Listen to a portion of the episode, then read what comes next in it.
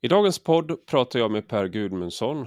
Om eh, någon mot förmodan inte vet vem det är så var han länge ledarskribent på Svenska Dagbladet där vi också var kollegor. Sen blev han presschef hos Kristdemokraterna och sen blev vi båda två anställda på Bulletin där han var ledarskribent och då var vi också kollegor även om det var en mycket kortare stund än vi var kollegor på Svenska Dagbladet eftersom jag slutade med buller och bång. Och innan allt det här så var han en klassisk journalist på SVT, eh, vilket vi också pratar om lite grann. Men det vi framförallt pratar om i dagens avsnitt är migrationsfrågan. Om skillnaden mellan vad Socialdemokraterna påstår att de står för och vad de faktiskt står för. Och eh, detta med anledning av att Socialdemokraten Ylva Johansson, tidigare minister, Eh, och idag EU-kommissionär med ansvar för just migrationsfrågan. Hon höll nyligen tal i Grekland där hon eh, ansåg att Europa behöver en miljon ytterligare migranter per år eftersom befolkningen minskar. Hur rimmar det med Magdalena Anderssons retorik om en stram migrationspolitik? Frågar vi oss. Och Per är den som har uppmärksammat det här i riksdebatten genom sina tweets på Twitter eller X. Dessutom så pratar vi om åsiktskorridorer, har vi bara ersatt en med en annan och om opinionsbildning, vad det egentligen är bra för om man någonsin lyckas ändra någons uppfattning eller om man håller på med någonting helt annat än vad man själv tror. Om detta och mycket annat handlar dagens podd. Nu till dagens gäst. Du lyssnar på Rak Höger med mig, Ivar Arpi.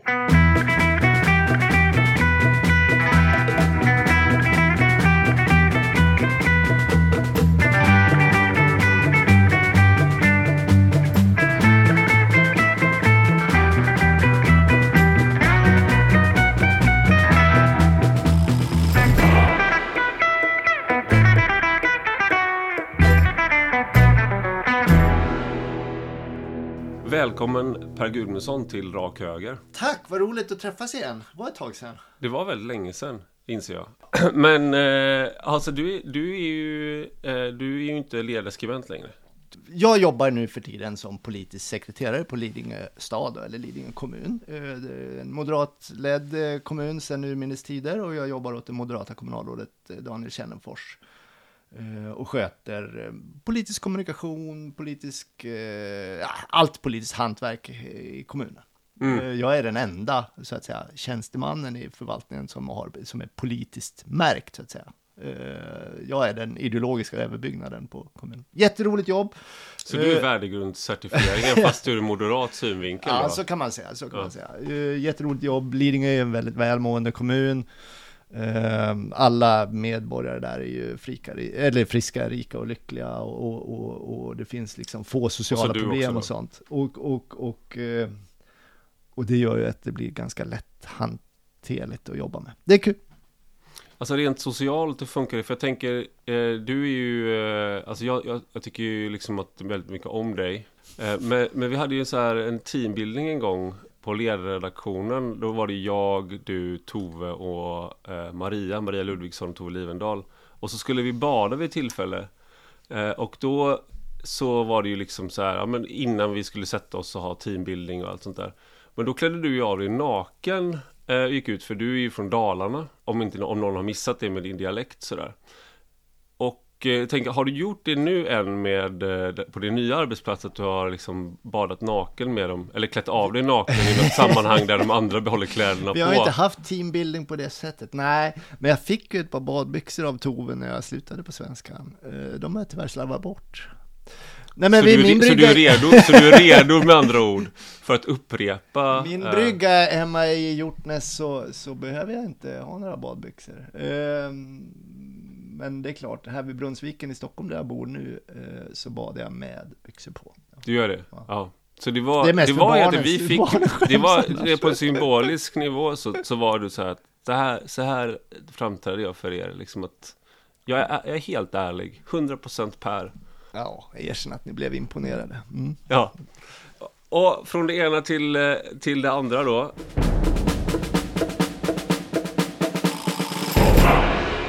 Jag, jag tänkte en sak som, när jag skulle, det här jag tror jag kanske sa, för du var med i, i den här podden för ett tag sedan också, och då tror jag säkert att jag sa det här, men eh, på den tiden så umgicks jag en del med Andreas Johansson Heinö, eh, som väl är fortfarande förlagschef på Timbro, ja. har varit ett bra tag.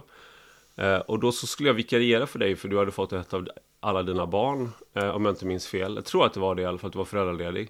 Och då sa han till mig att ah, så du ska vikariera i Pers bruna kalsonger.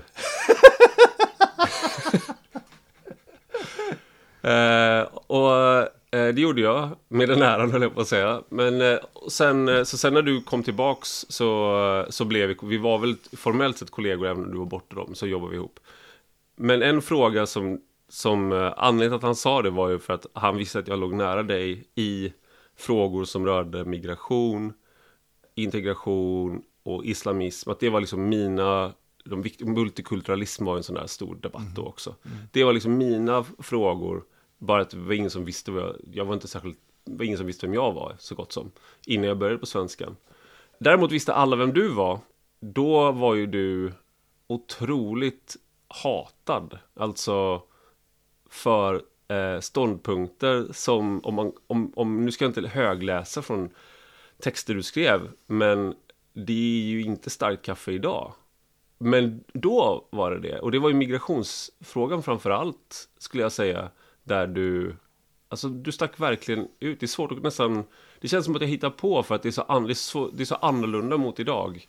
Ja. Eh, hur, det är jättekonstigt. Ja. Eh, det är jättekonstigt. Vi eh, var ju några stycken inte bara men främst på Svenska Dagbladets ledarsida, som du och jag och Paulina Neuding och så vidare, som skrev om migrationspolitik, där vi problematiserade följderna av den rådande migrationspolitiken. Men vi gjorde det med otroligt försiktiga ordalag, mm.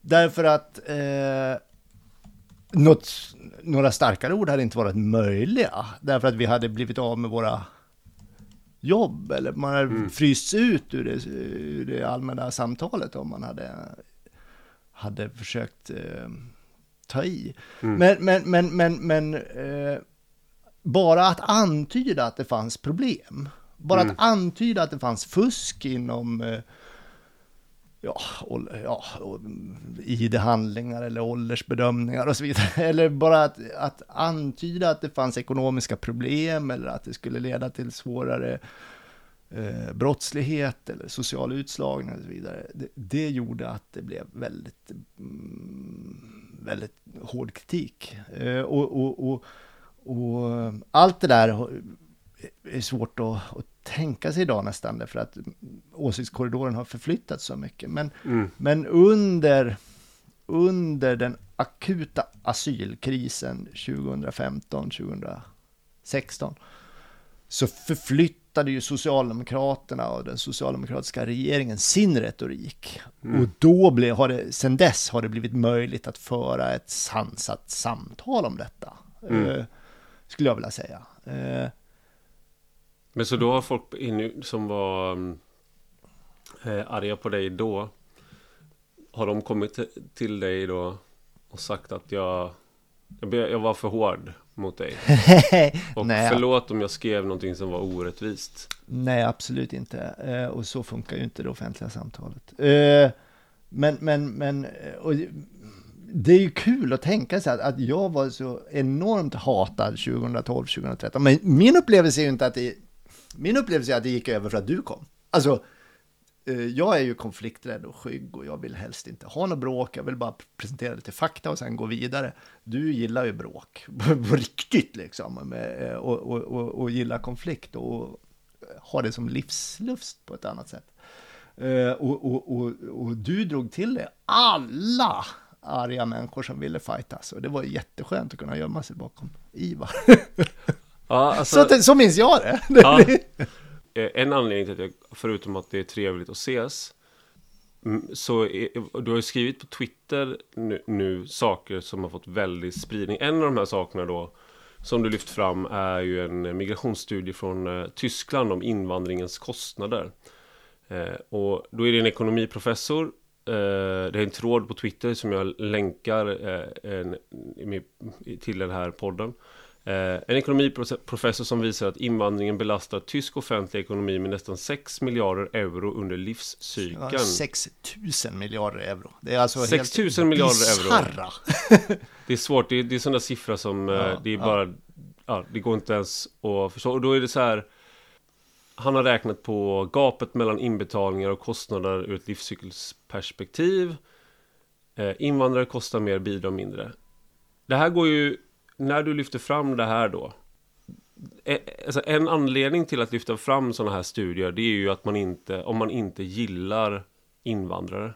En annan anledning kan ju vara att man tycker att vi ska ha en ärlig diskussion. Och det här är en typisk nyhet som inte värderas som eh, eh, särskilt viktig av nyhetsjournalister, nyhetsredaktioner och där då till exempel en sån som du Eh, nu på Twitter, tidigare på ledarsidan, lyfter fram så här, det här är en nyhet, det här, det här är också någonting som vi ska ha med. Men det tolkas ju som opinionsbildning.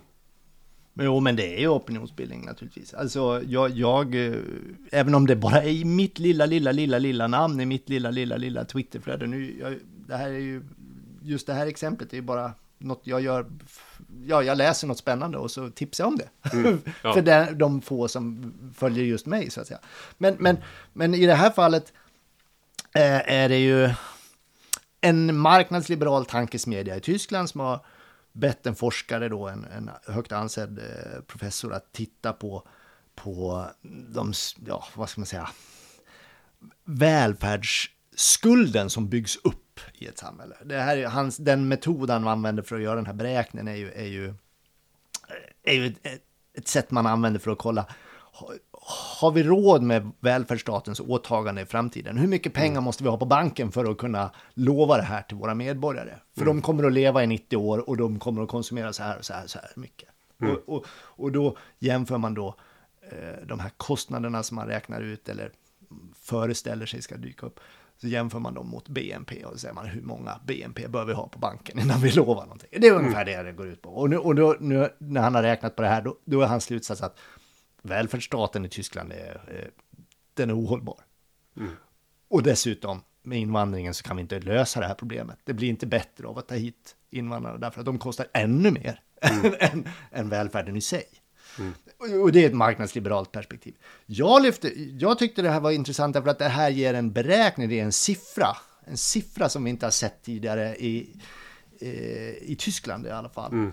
Uh, lite tidigare i, i år så kom en siffra från Holland som hade nu har jag glömt de exakta beloppen, men, eh, men, även där var det en studie på kostnader som var intressant tyckte jag. Det här är ju en diskussion som förs i Sverige och har förts under hela vår karriär, va? Eh, mm. Eller då vi har försökt lyfta frågeställningen, kan inte det här vara kostsamt? Liksom? Eh, mm. och, och, därför tycker jag att det är relevant att ta upp. Så det, visst är det, det är del i vad jag försöker säga och har försökt säga i 10, 15, 20 år. Men varför, men, men, varför försöker du säga det? Ja, men därför att under, under vår livstid, eller vad ska man säga, under vår yrkesmässiga tid då, man säga, så har ju samhället Sverige förändrats så mycket. Det här är vår tids stora fråga, eller en av de riktigt stora. Jag tycker, jag tycker digitaliseringen är lika stor naturligtvis. Alltså, det vi ser nu med AI, det är jättestora frågor. Det ska också belysas, eller behöver också belysas. Men, men migrationen under vår korta, korta, våra decennier som vi har varit yrkesverksamma, det är lika avgörande som industrialiseringen på eh, 1700-1800-talet eller urbaniseringen på slutet av 1800-talet. Eh, krafter som helt omstöper samhället. Mm. Eh, och det har positiva effekter, naturligtvis.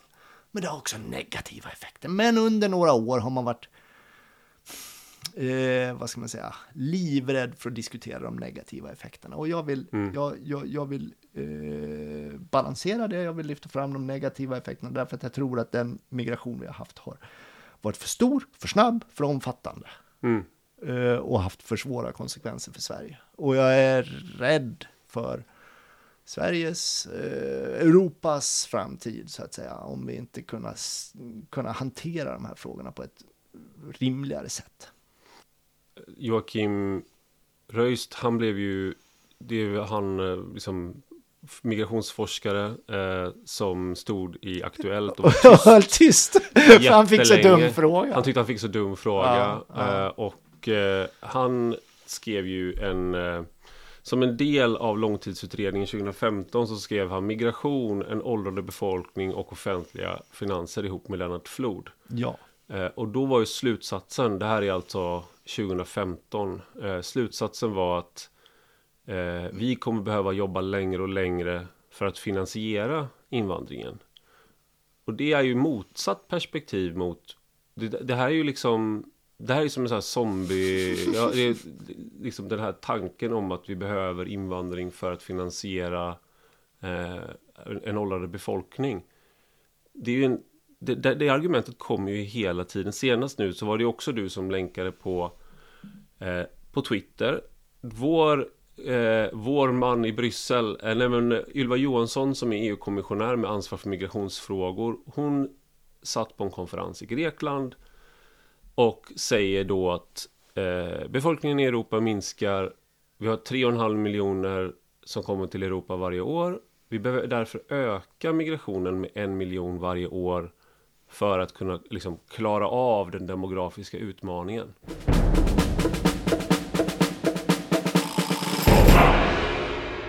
Ilva, the floor is yours.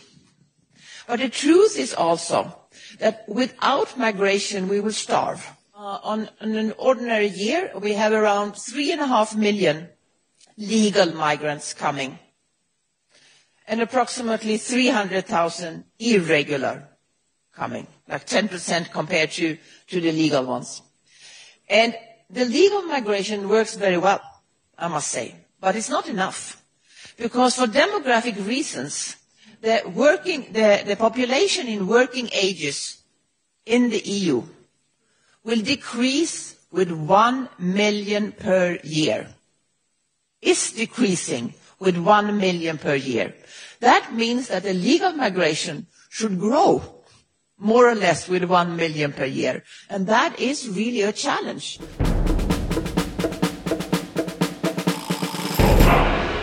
Det här har ju bara liksom passerat. Mm, och hon är ju då eh, socialdemokrat i grunden och har varit minister för den tidigare regeringen. Så det är inte en nobody som sitter och säger det. Men liksom, det går ju rakt emot både då vad som sägs i den här forskningen du presenterar, men det är också forskning då som är gjord på, eh, som är gjord på Tyskland, där den här, eftersom det är Tyskland så är det ännu större hiskliga kostnader. Men eh, förmodligen ungefär samma som i Sverige eh, på det stora hela och där man har gjort liknande studier. Men vad, liksom, vad är det hon, varför sitter Ylva Johansson och säg, säger det här? Eh, kommer liksom EU-kommissionen då tvinga ska tvinga liksom medlemsländerna för det här är ju inte pop, någonting populärt heller.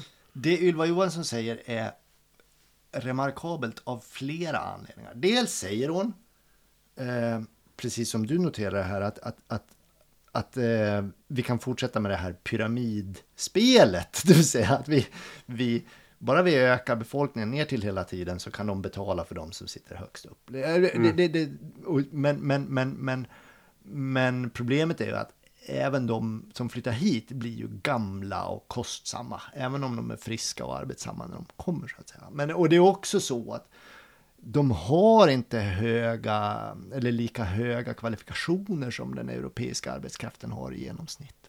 Eh, det betyder att de det går inte att ersätta det ena med det andra. Det är inte, det är inte likvärdiga, det är inte äpplen och äpplen, utan vi pratar om äpplen och päron här och då får man något helt annat utfall. Men ja, det, det, det är en sak att hon ändå marknadsför denna det, det andra är att hon Vad säger... Vad har du emot päron? Nej, det, andra hon säger, mot päron? Det andra hon säger är att, att migrationen som vi har idag, 3,5 miljoner då som kommer till EU varje år, den funkar bra, säger hon. Och det var, Va? hon, hon säger då att det finns en irreguljär migration på 300 000 och det, det, tycker hon funkar dåligt. Det är de här papperslösa hon pratar om, då, eller illegala migranterna. Men den reguljära migrationen tycker hon funkar bra. Mm, och det säger hon i Grekland, där de liksom stångas mot båt, eh, båtar som kommer in hela tiden. Och, alltså det, mm det är en bild som jag tror många medborgare i EU inte känner igen. Mm. Och inte skulle hålla med om. Jag tror den är fel. Och, och så säger hon att, att, att miljon för miljon ska bytas ut. Mm. Och, och i höger populistiska kretsar så pratar man ibland om folkutbytet. Eh, det- och det har ju stämplats som en konspirationsteori och så. Eh, men här ger hon ju verkligen vatten på kvarnen åt de som eh, menar att den politiska eliten sysslar med att byta ut befolkningen. En miljon minskar be- befolkningen så därför behöver vi en miljon till. Ja, Ja. ja. Det behöver ju ingen konsp- alltså så här, konspirationsteorin om folkutbytet. Det här anledningen till att man inte får använda ordet. Det är ju liksom att det finns en konspirationsteori om att det sitter liksom en judisk sammansvärjning som planerar fram det här för att förstöra liksom västvärlden eh, och att man då det, det är det som är konspirationsteorin. Eh, men att du ser att, att, att du säger då att du vi ska byta, vi behöver byta ut. Eller vi behöver liksom tillsätta det här. Eh, du behöver ingen konspirationsteori om en så här eh, Sion Vises protokoll antisemitism. För att bara se att det här är, det är så man tänker rent matematiskt här. Att en miljon ut, en miljon in. Ja, så här har ju arbetsmarknadsforskare diskuterat eh, i, i decennier. Alltså går det då att syssla med replacement migration som man pratar om? Och, och, och även svenska myndigheter har ju studerat det här. Det finns en studie från Tillväxtverket tror jag som är, ja, om det är 15-20 år sedan. Sök på replacement migration och Tillväxtverket så får man upp den. Och så ser man hur man, svensk eh, tjänsteman har suttit och räknat på det här. Går det liksom att ersätta den åldrande befolkningen med, med migration? Helt rimligt, rimligt att resonera om. Ja, Men, men hon, hon, hon säger detta då helt utan att tveka att det här är lösningen på, på Europas problem. Vilket jag inte alls är så säker på. Eh, tvärtom så medför det stora kostnader. Det, och det, det är flera sätt då som det hon säger är helt häpnadsväckande dumt. Men sen, hon är inte bara socialdemokrat. Eh, hon är också Sveriges på något sätt representant i Europakommissionen. Eh, och, och, och då undrar man, är det här Sveriges linje? Eller är det här EUs linje som hon, är det kommissionen som hon företräder? Är det kommissionen som vill att hon ska säga det? Man, man, det, det väcker ju frågor. Vem är det som pratar här? I Sverige har vi fått höra att Socialdemokraterna, de har omvärderat sin politik. De står för något helt nytt nu. De är inte alls, eh, de vill inte förknippas med, med 10-talets eh, släpphänta migrationspolitik, utan nu är det ordning och reda, säger sossarna här hemma hela tiden. Laven Redar har släppt sin rapport om, eh, och så vidare. Men så ser man en socialdemokrat i praktiken. Ylva Johansson står och säger öka invandringen till EU med 25 procent, byta ut befolkningen miljon för miljon. Jättekonstigt. Eh, men jag, jag, jag, jag, grips också av fruktan. Vi ska byta ut Ylva Johansson alldeles strax. Hennes, eller kommissionen byts ut så att säga. Och, och vem kommer då efter? Och, får, vi, får vi återigen någon som kommer att säga så här? Därför att detta är EUs linje så att säga, som vi som litet enskilt medlemsland inte kan påverka. Eller, eller kommer vår nya regering, Tidö-gänget, kommer de att på något sätt sätta in någon annan bromskloss för det här synsättet? Jag hoppas det. Men det vet jag inte. Jag törs inte tro det ens. Mm. Nej, precis. Men jag, jag tycker det är intressant det du är inne på där med att du har Ylva Johansson som är en av Socialdemokraternas tyngsta eh, företrädare. Eh, både med sina tidigare uppdrag eh, liksom, och sen också såklart för att hon är, det är ju, man är ju stolt liksom, över den man har på den, liksom, EUs högsta eh, organ, EU-kommissionen. Eh, Och, så man får väl förutsätta att det är EU-kommissionens linje som hon representerar här. Eh, men det går ju då, som du, som du är inne på, att Socialdemokraterna, de har ju nu lanserat, de gör ju så här eh, filmer där de går runt och pratar, liksom Tobias Baudin, liksom om att vi har alltid stått för en strikta migrationspolitik. Vi är garanten för en strikt migrationspolitik. Och det var ju faktiskt, det är ju faktiskt borgarna som alltid har varit de som har ja, liberaliserat migrationspolitiken, som har liksom släppt in, eh, som har öppnat upp, medan vi har varit eh, liksom, nu tar man väl upp till och med Lucia-beslutet som någonting att vara stolt över. Och, eh, Eh, och det, där var det ju mycket riktigt så att det var en, en, en borgerlig regering sen som, som rev upp det. Men jag, om man har varit med ett tag så ja, det, det, är nästan sådär att man Ja, men, okej, okay, jag ska ställa en fråga istället så du får svara på den. För att eh, det här är ju, liksom, eftersom jag själv är så här investerad i de här frågorna. Men tycker du att, tycker du att det fin, ligger det någonting i att Socialdemokraterna har stått för en strikt migrationspolitik? Ligger det någonting i att man kan tänka sig att de faktiskt skulle vara en garant för en strikt migrationspolitik framåt? Eh, för några decennier sedan så hade ju Sverige en migrations... Eh, eller migrationen till Sverige var ju huvudsakligen arbetskraftsinvandring för några decennier sedan. Det här tyckte ju socialister var ett problem därför att det innebar i någon mening dumpade löner eller minskat inflytande över arbetsmarknaden. Va? Socialisterna var naturligtvis då för en åtstramning av invandringen.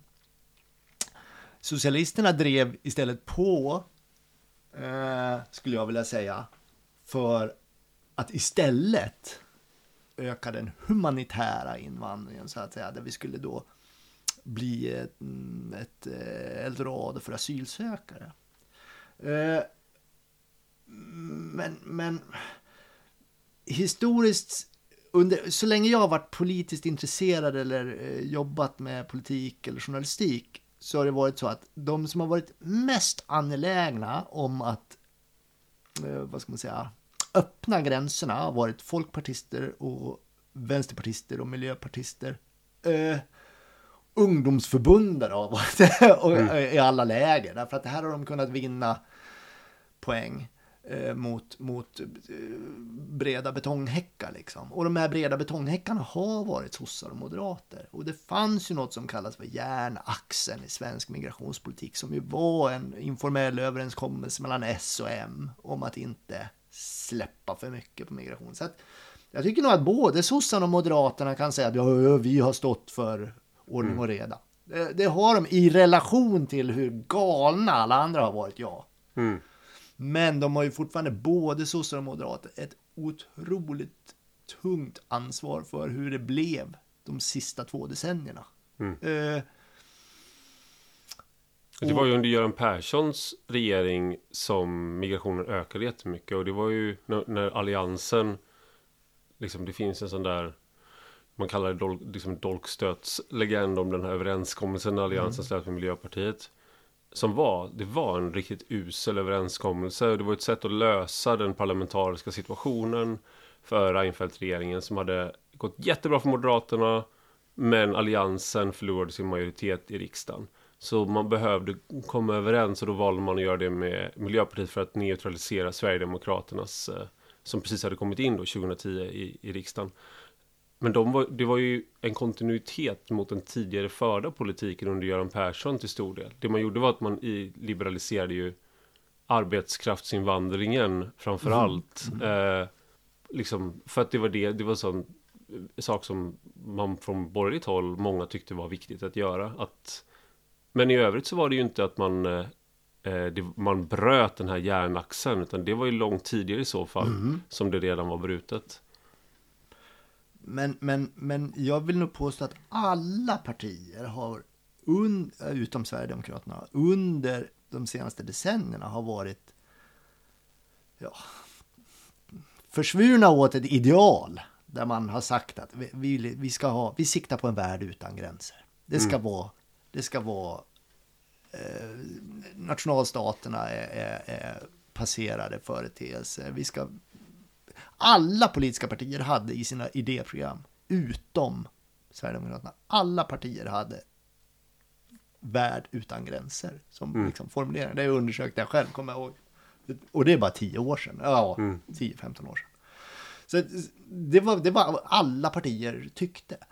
Eh, men eftersom S och M har haft störst makt så har S och M störst skuld, skulle jag vilja säga. Mm. Och S har haft ännu mer makt.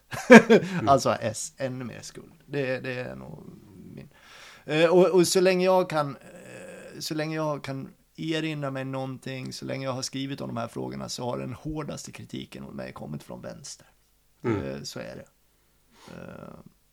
Det var inte så att eh, eh, när Alliansen slöt det här avtalet med Miljöpartiet så gick Socialdemokraterna upp på barrikaden och sa att vi, vi måste stänga gränsen nu. Nej, nej, tvärtom, tvärtom, tvärtom. Eh, Det var ett evigt förnekande fram till den akuta asylkrisen 2015. eh, Höst, sent hösten 2015. Och, eh, och, och Här säger Magdalena Andersson då i, liksom, i december nu då så skrev hon, tror jag hon skrev det här eh, att eh, det, det, är vi- det, det är ingen hemlighet att det är jag som har stått för tillnyktringen och för den strikta migrationspolitiken sedan 2015. hösten 2015 stod Jag Magdalena åt. Andersson, hösten 2015 stod Magdalena Andersson i Aktuellt eller om det var Agenda och fick frågan om, om det fanns någon övre gräns för, för migrationen. Om 50 000 var för mycket. Eh, Alltså hon, hon svarade att det, hon kunde inte svara på den frågan. Hon, hon vägrade att sätta ett tak. Och, och det här kommer jag ihåg därför att det ledde till att hon menade alltså att Sverige skulle kunna ta emot fem miljoner asylsökande på något decennium. Eh, om man räknade, om man extrapolerade hennes siffror. Det fick mig att twittra nämligen om att- hon förespråkade nationens undergång på en generation. Och då blev jag fantastiskt utskälld då på den tiden. Eh, därför att jag hade använt ett ord som nation och undergång och så vidare. Eh, eh, men i själva verket var det alltså Magdalena Andersson som utlöste denna beramade tweet genom att inte kunna sätta något tak för så- asylinvandringen. Här har vi ju liksom ett mikro, så här, eller här har vi ju väldigt tydligt exempel också på hur, hur svensk debatt i de här frågorna och i andra frågor som är kontroversiella fungerar. Det vill säga att Magdalena Andersson säger att det finns inget övre tak på invandringen och hon är en eh, liksom Hon var makt- finansminister Hon då. var finansminister. Eh, det, det är liksom det, det, det sker. Och sen säger hon då liksom 5 miljoner, fine. Liksom det där är inte det där är inte det som får folk att bara hon måste avgå. Hon är galen. Utan det är när någon kommenterar och säger liksom, men titta hon har ju inte på sig några kläder. Okej nu är det du som alltid tar de kläderna. Men eh, hon har ju inte på sig några kläder här. Eh, det är, kejsaren är naken liksom. Då är det ju du. Du säger att det här skulle innebära nationens undergång. Då är det ju du som ska ut. Du ska, inte, du ska ut. Eh, om du ska vara så får du gå ut. Eh, och eh, liksom, du ska inte hålla på med Twitter. Ja, jag, jag stängde Alltså, faktiskt ner Twitter då. Ja. Ja. För, och det, det blir, det är ju en, är en, i en rimligare värld så hade det ju varit en otrolig nyhet att finansministern säger så. Medan att någon säger att det här är ju ganska galet det hon säger. Det här är ju konsekvenserna av det hon säger. Ja, det är inte en nyhet. Ja, jag, jag tycker nog att, att den svenska journalistkåren är, tar ofta det enkla eh, spåret att eh, lyfta fram en enkel, eh, en enkel debatt om ordvalet. Var det här ett vettigt ordval? Och det är sånt som, som både du och jag och, och en mängd eh, debattörer råkar ut för hela tiden. Va? God ton har ju döpt sin podd enbart efter kravet på god ton, så att säga. Jag är lite avundsjuk på Hanif Bali Ja, och Per ja, Lindgren ja, att de valde ett så bra namn på sin Eh, podd. Och, och just nu när vi sitter och pratar om det här så eh, pågår det väl åtminstone ett par sådana debatter simultant. Va? Och skulle Carl-Oskar Bolin säga att det kan bli krig? Just det. Är det, är det god ton Varför det? skrämmer tänk- ÖB eh, Sveriges barn? Och, och, och, och, så vidare. Det pågår några sådana där diskussioner. Jag, jag tycker det det är en, en enkel utväg som eh, debattprogrammen och journalisterna ofta tar. Jag, jag tycker nog att man kan göra lite bättre jobb än så. Jag har en teori om varför det är mycket- så. ja. Jag har en teori om varför det är så. Och det är ju enkelt. Men en, en vanlig människa eh, ställer sig ofta frågan eh, är det, är det här sant? Stämmer det här? Eh, och som opinionsjournalist så har man eh, Nu har vi varit inne på att vi driver en agenda Men jag skulle ändå säga att Till stor del så har man fördelen att man kan säga Det här är orimligt eller det här är rimligt Det här är sant Det här är falskt Ta det politiska journalister nu när det har varit när Socialdemokraterna har pratat om det här att de står med garanten då har du liksom, jag har lyssnat på alla de här poddarna som Expressen, Svenska Dagbladet, eh, eh, Sveriges Radio. Ingen bara säger det som alla de såklart vet att det här stämmer inte. De får inte säga det. Tycker de själva. De politiska kommentatorerna Thomas Ramberg, Thomas Nordenskjöld, eh, Maggie Strömberg, Torbjörn Nilsson. Med, och de kan så oerhört mycket, de har kontakt, de har pratat med liksom så mycket med de här människorna i alla partierna, de kan historien, de vet att det inte stämmer. Men de säger det inte. Och då kommer det liksom en, en liten, eh, en liten parvel utspringande liksom och säger det skulle innebära nationens undergång. Och alla vet det. Eh, de politiska journalisterna här borde ju säga det. Men det här stämmer ju inte. Det är ju inte ni som har gjort det. Eh, men det gör de inte. För att den journalistiska etiken här är att de ska vara eh, neutrala förmedlare på något sätt. Men det innebär också att de blir det blir lögnaktigt ibland. När de vet att någonting inte stämmer så säger de inte det. Man eh, möter ju ofta, i alla fall i mitt jobb då, jag jobbar ju med politik och jobbar med människor som aktiverar sig politiskt. Man möter ofta en frustration med hur medierna beskriver verkligheten. Alltså folk är ju arga och när man skriver i tidningen, man får ofta brev eller eh, samtal, folk är arga. Varför skriver ni inte som det är?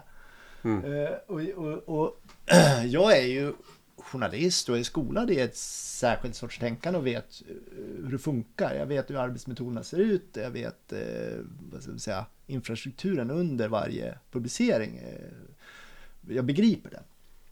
Eh, så jag brukar oftast hamna i en, en försvarsposition och säga det är inte konstigt att det ser ut som det gör i tidningen därför att. Och så förklarar jag, det är så mm. här vi jobbar.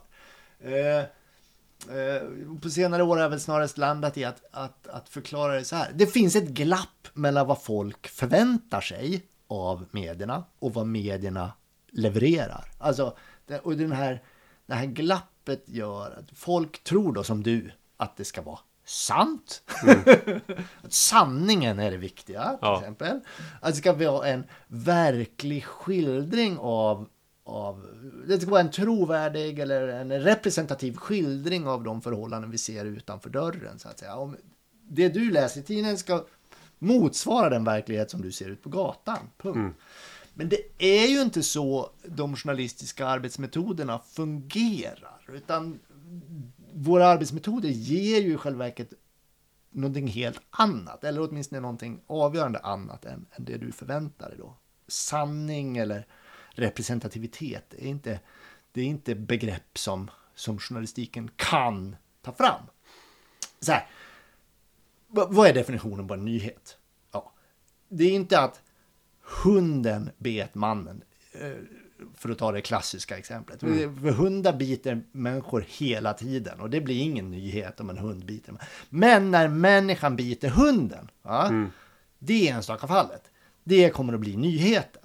Så att det som, det som är nyhet, det är ju per definition det som avviker från det förväntade mönstret. Mm. Nyhetskonsumenten däremot sitter ju hemma i sin soffa eller sitter vid köksbordet och läser tidningen och förväntar sig att få en, en representativ bild av verkligheten. Mm. Men då skulle det bara stå hund biter man i tidningen hela tiden. Och det är ju inga nyhet, det är ju ingen nyhet. Det är ju jättetråkigt att, mm. att läsa om sånt som bara är, är det förväntade. Utan själva verket Nyheterna väljer ut det som avviker. Och alltså får man en väldigt skev bild. Man får massa jävla bombdåd och explosioner, trots att, eller bilolyckor, trots att jag går till jobbet varje dag utan att drabbas av bombdåd eller bilolyckor. Mm. eh, det blir ett fokus på katastrofer eller, eller felaktigheter och så vidare. Det är det ena. Va? Så, att, så, att, så att, representativitet du får ingen sann bild av din verklighet. Det är väl klart det inte ser ut som du förväntar dig eh, när du läser tidningen. Det andra, sanning. Ja, vem är så jävla bra på att fastslå sanningen? Jag är inte säker på att jag tycker att Thomas Ramberg eller Fredrik Furtenbach, eh, som jag ju känner och tycker är fantastiska, några av landets absolut bästa eh, journalister så att säga. Eh, jag är inte säker på att jag vill att de ska fastslå sanningen för mig. Men de ska gärna presentera ett par olika alternativ. Det kan vara så här, det kan vara så här, det kan vara så här och så låta mig välja. Mm. Uh, I själva verket är det ju också så, vi utgår från att eh, domstolarna ska agera också, att man presenterar för och emot och så är det den som presenterar flest bevis för sin sida som vinner, eh, den är friad Mm. eller fälld. Det, spelar, det är ju inte, det är inte så att domstolen fastslår att Jocke har eh, mördat eller inte mördat. Så att det, det kan Jocke ha gjort. Han kan, han kan mörda och bli friad. Det, det. det, är inte sanningen som domstolen slår fast. Och, och på samma sätt är det inte journalisterna heller som kan avgöra vad som är sant. Däremot kan vi presentera teori A, teori B, teori C och så låta läsarna, tittarna välja. Jag, jag skulle säga att jag, jag håller med dig om att det finns en, eh, vad ska man kalla det, en epistemologisk ödmjukhet i, i de här sakerna. Som, för att man vet att det är väldigt svårt, om du inte var där och såg det, dokumenterade det på något sätt. Så att det det är oomtvistligt att det här är det som, som skedde. Så, så kommer du bara kunna ha en approximering av, av sanning, så att säga. Du ska försöka och, och du kan inte liksom Som journalist då för att behålla din trovärdighet så kan du inte eh, Hela tiden hålla på och säga att du, du har den här Du vet sanningen här liksom Men Det finns ändå det, det är en anledning till att man pratar så mycket politiskt spel i svensk journalistik och det är att svenska journalister har mer av det här. Det vill säga så fort du ska gå in i sakpolitik och recensera eller prata om vad är rimligt, vad är liksom så blir svenska journalister väldigt obekväma för då måste de gå in i en roll som de har, där de har bundit upp ena handen på ryggen. Går du till andra länder, andra eh, liksom, journalister i andra länder så gör inte de det på samma sätt.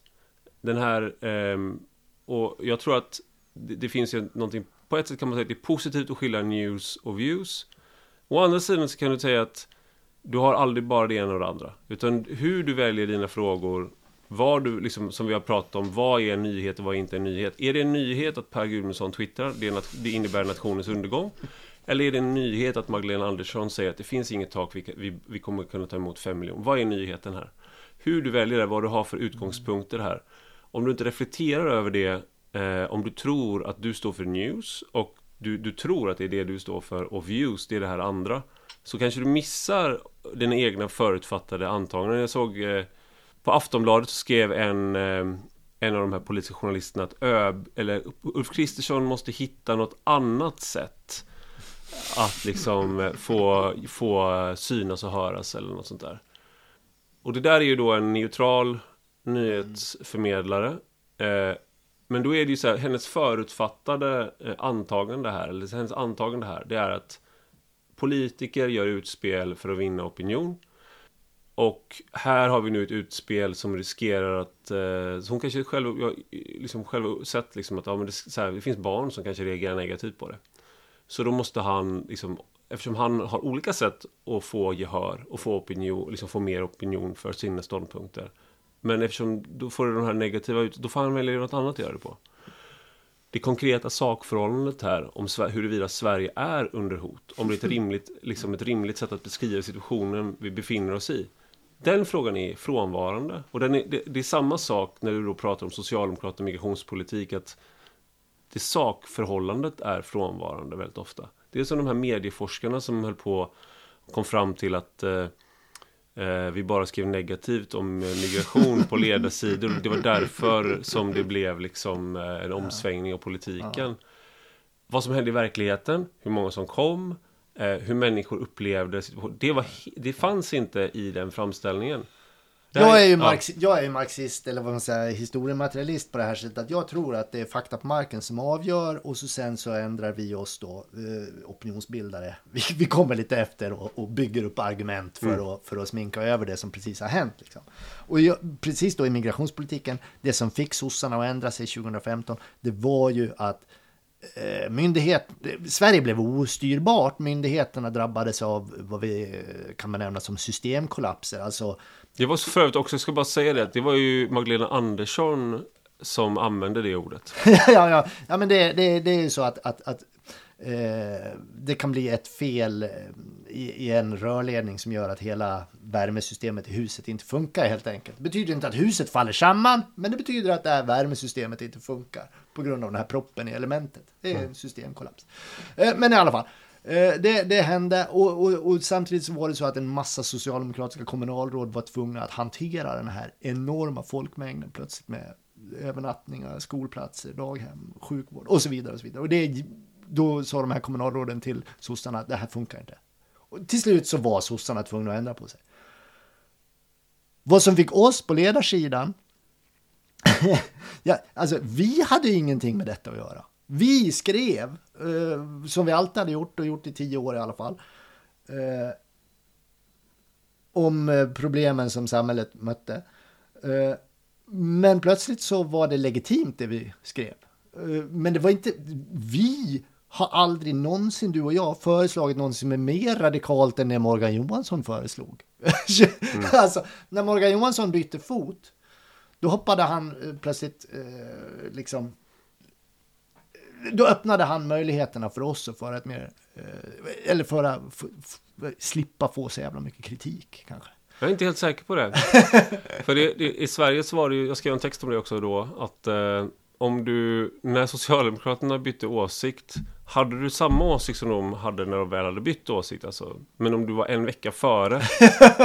Då var du fortfarande par ja. ja. Och det var lite som påminner lite mig om när jag under covid så hörde jag av, hörde jag av mig till Tove eh, en dag och sa att eh, det här var precis när covid kom då liksom och så sa jag till Tove Livendal då som var vår chef på, eller om du hade gått vidare då. I alla fall, hon var, chef, hon var min chef på ledarsidan på SVD. Så sa jag att eh, nu jobbar jag hemifrån. Eh, jag tycker det är liksom, vi tillhör riskgrupp, trodde jag. Vi var vi är liksom astmatiker. Så här. Eh, jag tycker det är onödigt att riskera någonting. Ja, vi vet så lite. Och eh, hon var väl ganska förstående, men hon var också sådär att eh, okej, okay, men då måste du eh, liksom det funkar, du, så här, du kan inte fatta sådana här beslut unilateralt, typ, mm. typ sa väl hon ungefär till mig. Att typ, jag är, det här är liksom en arbetsplats. Men jag är en schysst chef, vilket hon, hon var verkligen. Typ hon var jätteschysst. Ja. Men så då måste du liksom, så hade, hon, hade vi lite en diskussion om hur det skulle funka liksom sådär. Men jag, jag var ju besvärlig, för jag fattade ju det här beslutet. Och hon hade kunnat säga, du kan inte fatta det här beslutet. Dagen efter så gick Schibsted ut med att alla måste jobba hemifrån. Men du var fortfarande den jobbiga. Så jag, jag, om jag bara hade väntat en dag till så hade jag bara varit som alla andra. Men nu var jag ändå den jobbiga, liksom... Eh... Nej, väldigt bra parallell. Och, det, och det, så, så är det ju med de som var liksom kritiska till migrationspolitik innan Socialdemokraterna bytte fot. Jag kommer ihåg, jag, eh, i närheten av eh, Schibsted-huset, där SvD då, så ligger en restaurang som serverar husmanskost som heter Mozarteum som jag ofta gick ja, till. Just det. Och jag träffade Göran Greider där under eh, migrationskrisen. Och då hade han precis sagt att det här håller inte, det här funkar inte, han har skrivit det. Och då sa jag liksom att det var en bra text sådär. Eh, och så hade vi en litet samtal där, där vi på något sätt för första gången och kanske för sista gången, men vi möttes liksom i en gemensam, så här, just då, just där och då så stod Göran Greider liksom han hade liksom sa nu måste vi liksom strama åt. Sen nu efter det här så har han ju liksom gått vidare till andra anklagelsepunkter och sådär. Men just då. Eh, och det var bara en sån märklig situation. Vilken fin liten bild. Ja. Eh, men det är Mozarteum. Det ligger väl vägg i vägg med Vänsterpartiets eh, partihus där. Var det inte så? Ja, så kanske det gör. 84 ligger bredvid där. Ja. ja det hade jag inte koll på. ah, jag kanske inte var bland vänner hela tiden. du jag upplever ju att, att åsiktskorridorerna, det är ju inte så att väggarna rivs och plötsligt blir allt möjligt, utan vi får bara en ny åsiktskorridor eh, som ser lite annorlunda ut, men det är fortfarande samma stenhårda regler. Eh, de, det har ju gynnat oss på något sätt, för nu, du och jag står ju just nu innanför den här åsiktskorridoren ganska tryggt på, på många av våra favoritområden så att säga. Mm. Behöver inte vara livrädda hela tiden för att uteslutas ur det offentliga samtalet. Det är ju skönt. Men jag upplever, jag, jag föreställer mig att många av våra politiska fiender så att säga just nu känner att det är skitsvettigt därför att de har stängts ute från alldeles nyss vad de tyckte ett rationellt samtal i en rad frågor. Jag, till exempel har ju då sossarna igen svängt om NATO och försvaret. Och, och det har gjort att hela den här hela spektret av organisationer som arbetar med freds, fredsarbete som det kallas. Eh, och som har varit mot kärnvapen, de har varit mot eh, militarism, de har varit mot värnplikt, de har varit mot allt. För Sovjet. De har varit för så. plötsligt, plötsligt så är de eh, paria och utstötta. Och betraktas som, som fi- även de mest rimliga röster. Även de som har arbetat, vikt hela sitt liv åt att arbeta inom utrikesförvaltningen, våra diplomater och försökt förklara den svenska neutralitetspolitiken och vårt motstånd. Alltså, ta en sån som Rolf Ekéus. Mycket sympatisk svensk liksom, diplomat han är ju emot NATO och han är emot han är emot den omsvängning som har skett. Men ingen kan ju någonsin säga att han är en ond eller dålig människa eller agent åt, åt Putin eller Sovjetmedlöpare. Alltså, så kan man ju inte hålla på. Vi kan inte, kan inte brännmärka honom för att han tycker han alltid, det som var svensk off officiell politik bara för ett tag sedan. Just nu pågår någon bizarr konferens uppe i Sälen med en massa, alltså det har varit Folk och Försvar förra veckan. Tänkte, Men nu är, nu är den här Folk och Fred eller vad det heter, som är Ja. alternativa, där, där knäppjökar från hela, hela miljöpartisfären liksom. Eh, Svenska fred Ja, ja, och ja. allt det där. Mm. Ja, ja, ja. Och, och du och jag eh, och, och andra till höger, vi har ju påpekat deras tvivelaktiga eh, positioner. Eh, och, men vi har, ju, vi har inte velat att de ska utstängas från det offentliga samtalet, vad jag tänker. Men de måste nog känna att det är så i alla fall. Mm. nu, är, nu törs de inte säga vad de tycker. För då Vissa åker gör ju det. Ja, men det, det finns ju... Då kommer Oksanen liksom och kör ut dem. Ja, Patrik Oksanen. Ja. Ut, här, här får du inte vara. Jag tänker, kommer att tänka på det här eh, eh, citatet av Scholz, eh, Baudelaire, den här dikten att eh, livet är ett sjukhus där varje patient är besatt av längtan att få byta säng. Här är det här, livet är ett fängelse där varje intern är besatt av att få byta åsiktskorridor med, med den andra. Det är lite det, det är där vi är nu. Då. Man bara bryter sig ut från sin cell och så kommer man in i en ny cell. Från, det, från å, åsiktskorridoren är död, länge lever åsiktskorridoren.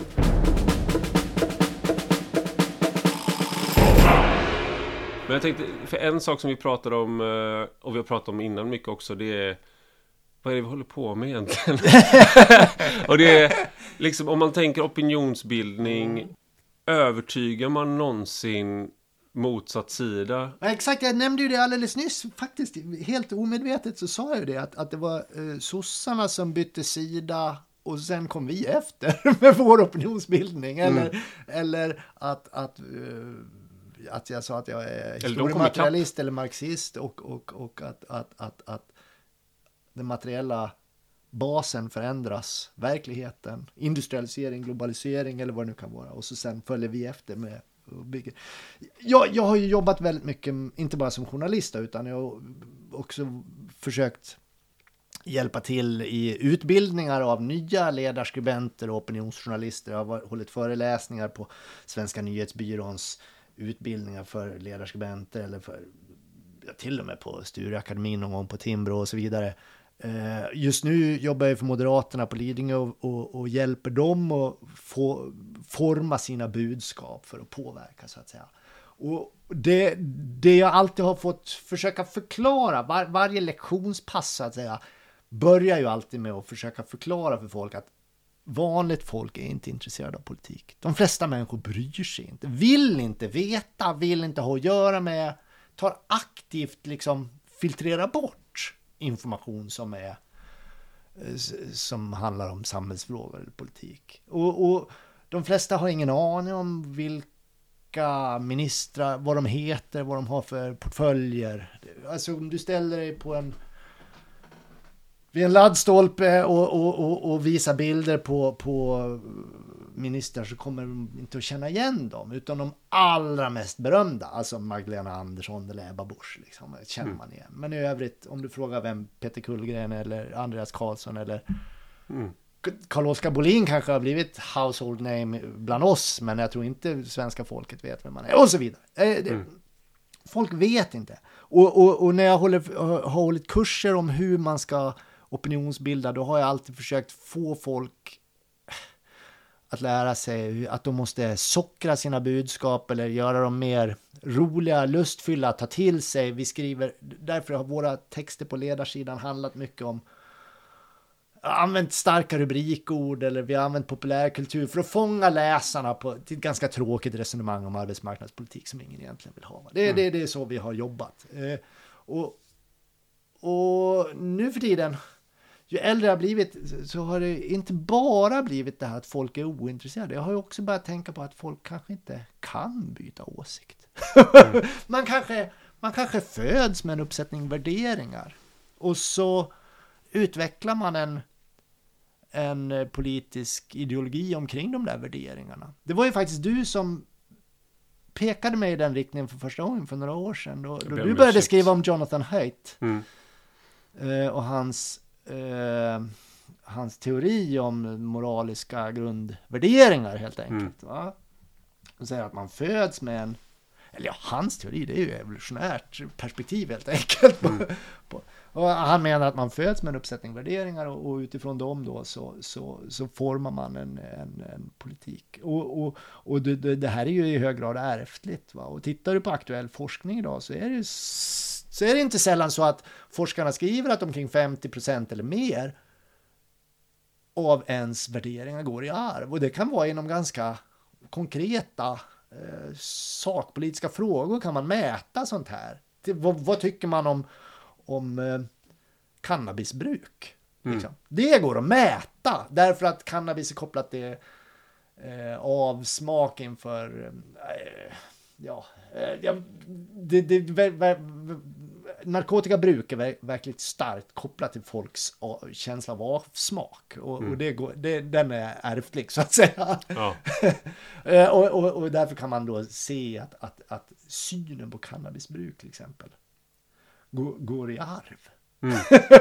en sån, sån fråga som du och jag kanske tänker att här nu kan vi, om jag bara skriver 100 artiklar om ja. eh, narkotikapolitik Mm. Så kommer folk att inse det orimliga i den nuvarande politiken och kanske byta åsikt.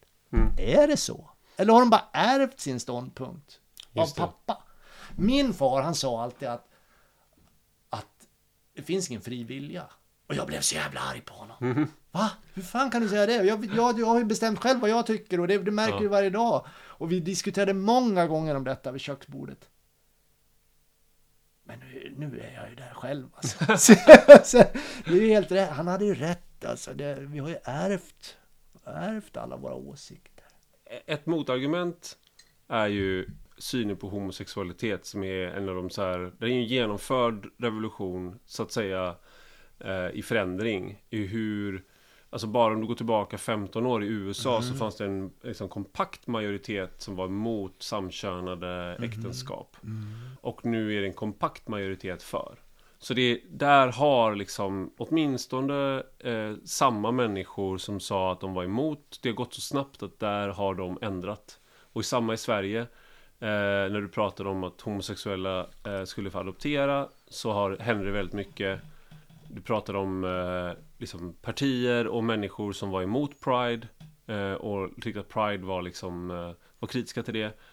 Gick sen i Pride-tåget. Ja. Så där har du liksom ett, ett, argument, för där är det sam, ibland, för det har gått så fort att det är samma människor som du, eh, på samma grupper du frågar som du kunde lita på skulle säga nej jag är emot samkönade äktenskap. Det sker uppenbart värderingsförändringar i samhället. Det sker uppenbart förändringar i i opinionen. Det, det, är ju, det händer ju. Mm. Men, men vad de beror på, det är ju inte så självklart. Det, det kanske inte är så att, att de beror på att de har läst jättebra debattartiklar av Ivar Arpi. Liksom. Utan det kan ju vara något helt annat som påverkar opinionen.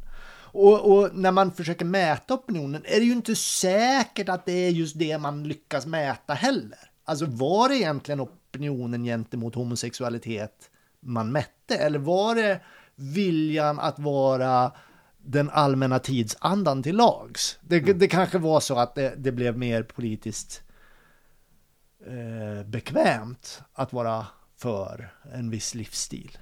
Jag tänker att ibland att man ska, ibland pratar man om utbildning mot extremism och sånt där, det är viktigt. Jag tänker om man skulle vända på det Alltså hur övertygar du de som jobbar på Segerstedt-institutet om att bli antisemiter? Alltså hur övertygar Ja, du andra det. hållet? Ja, Eh, att du, för att om, om det då är så att eh, förutsättningen är att vi alla är liksom, även andra sidan är rationell på något sätt. För det är så här, tank, grundantagandet är att du ska kunna övertyga dem med hjälp av utbildning. Eh, skulle du då eh, vara beredd att omvärdera din anti-antisemitism för att bli renodlad antisemit? Om Och då säger ju ingen, ingen säger ju ja där va? Ingen vettig Nej. människa skulle ju gå med Exakt. på det. Så här, hur övertygar du någon om att eh, eh, men de, som de mest impop- de åsikterna som du absolut som du ska utbilda bort kan du utbilda till de åsikterna då som du ska utbilda bort? Och då är det ju de flesta säger ju nej. Det går inte. Nej, det, jag, jag, det här pågående, Hamas pågående krig i, i Gaza eh, har ju fått att den svenska debatten... Israel är också inblandad va? Ja visst, men det är Hamas som driver kriget skulle jag vilja påstå. Och kan, eh, men i alla fall, eh, det har ju fått en förnyad debatt i Sverige då om antisemitism. Och nu behöver vi satsa på upplysning mot antisemitism. Men jag föreställer mig att det är inte bristen på information i arabvärlden. Om de bara fick veta eh, mer om förintelsen eller om de bara fick veta mer om om ehm, ja, eh, antisemitiska halmgubbar och så, så, så, skulle, så skulle de byta ståndpunkt. Utan det, det, det finns ju någon djupt liggande existentiell konflikt för eh, araberna här mot judarna. Det är liksom det som är. Och, och den där... Det den fyller där, en funktion i, i, på flera plan för Ja och, och, ja, och det kommer inte att ändras om hur många resor till, till uh, utrotningslägrens ruiner i, i, i Polen och Tyskland vi än företar. Det, det kommer inte, alltså hur många kurser vi än arrangerar eller hur många forum för levande historia vi än inrättar så kommer det inte att påverka attityderna hos eh, den befolkning som, som eh, kommer med, från Mellanöstern tror jag. Eh, så det, jag tror att den här fokuseringen på att om nu ska vi bara ha det är något folkpartistiskt fint över det här. Va? Nu, Om vi bara har upplysning mot antisemitism så kommer det här gå. Mm.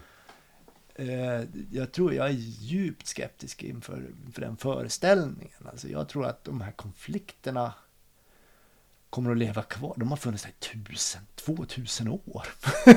det är inget som, det är inget som kommer att Nej. som kommer att förändras av att vi har ett nytt kursutbud på ABF. Mina mest pessimistiska dagar, då tänker jag ju så att, att, att eh, det är den här uråldriga mänskliga kampen. Eh, folk kommer att ha ihjäl varandra oavsett vilka argument vi har och så vidare. Men det är ju när jag är pessimist. Oftast är jag ju en glad skit liksom. Eh, eh, men jag tror inte man behöver gå till kommunismen på 1900-talet eller nazismen. Alltså det är ju mänsklighetens predikament helt enkelt. Det är, ju, det är ju så det har varit i alla tider att grupper har hamnat i konflikt med varandra. Och så, och så får det här våldsamma konsekvenser, de här konflikterna hela tiden. Eh, och jag, min eh, opinionsbildning har ju försökt, de senaste decennierna i alla fall, handla om att reducera risken för den här konflikten. Jag tycker att nationalstaten framkommer en jättespasm på 1700 1900-talet.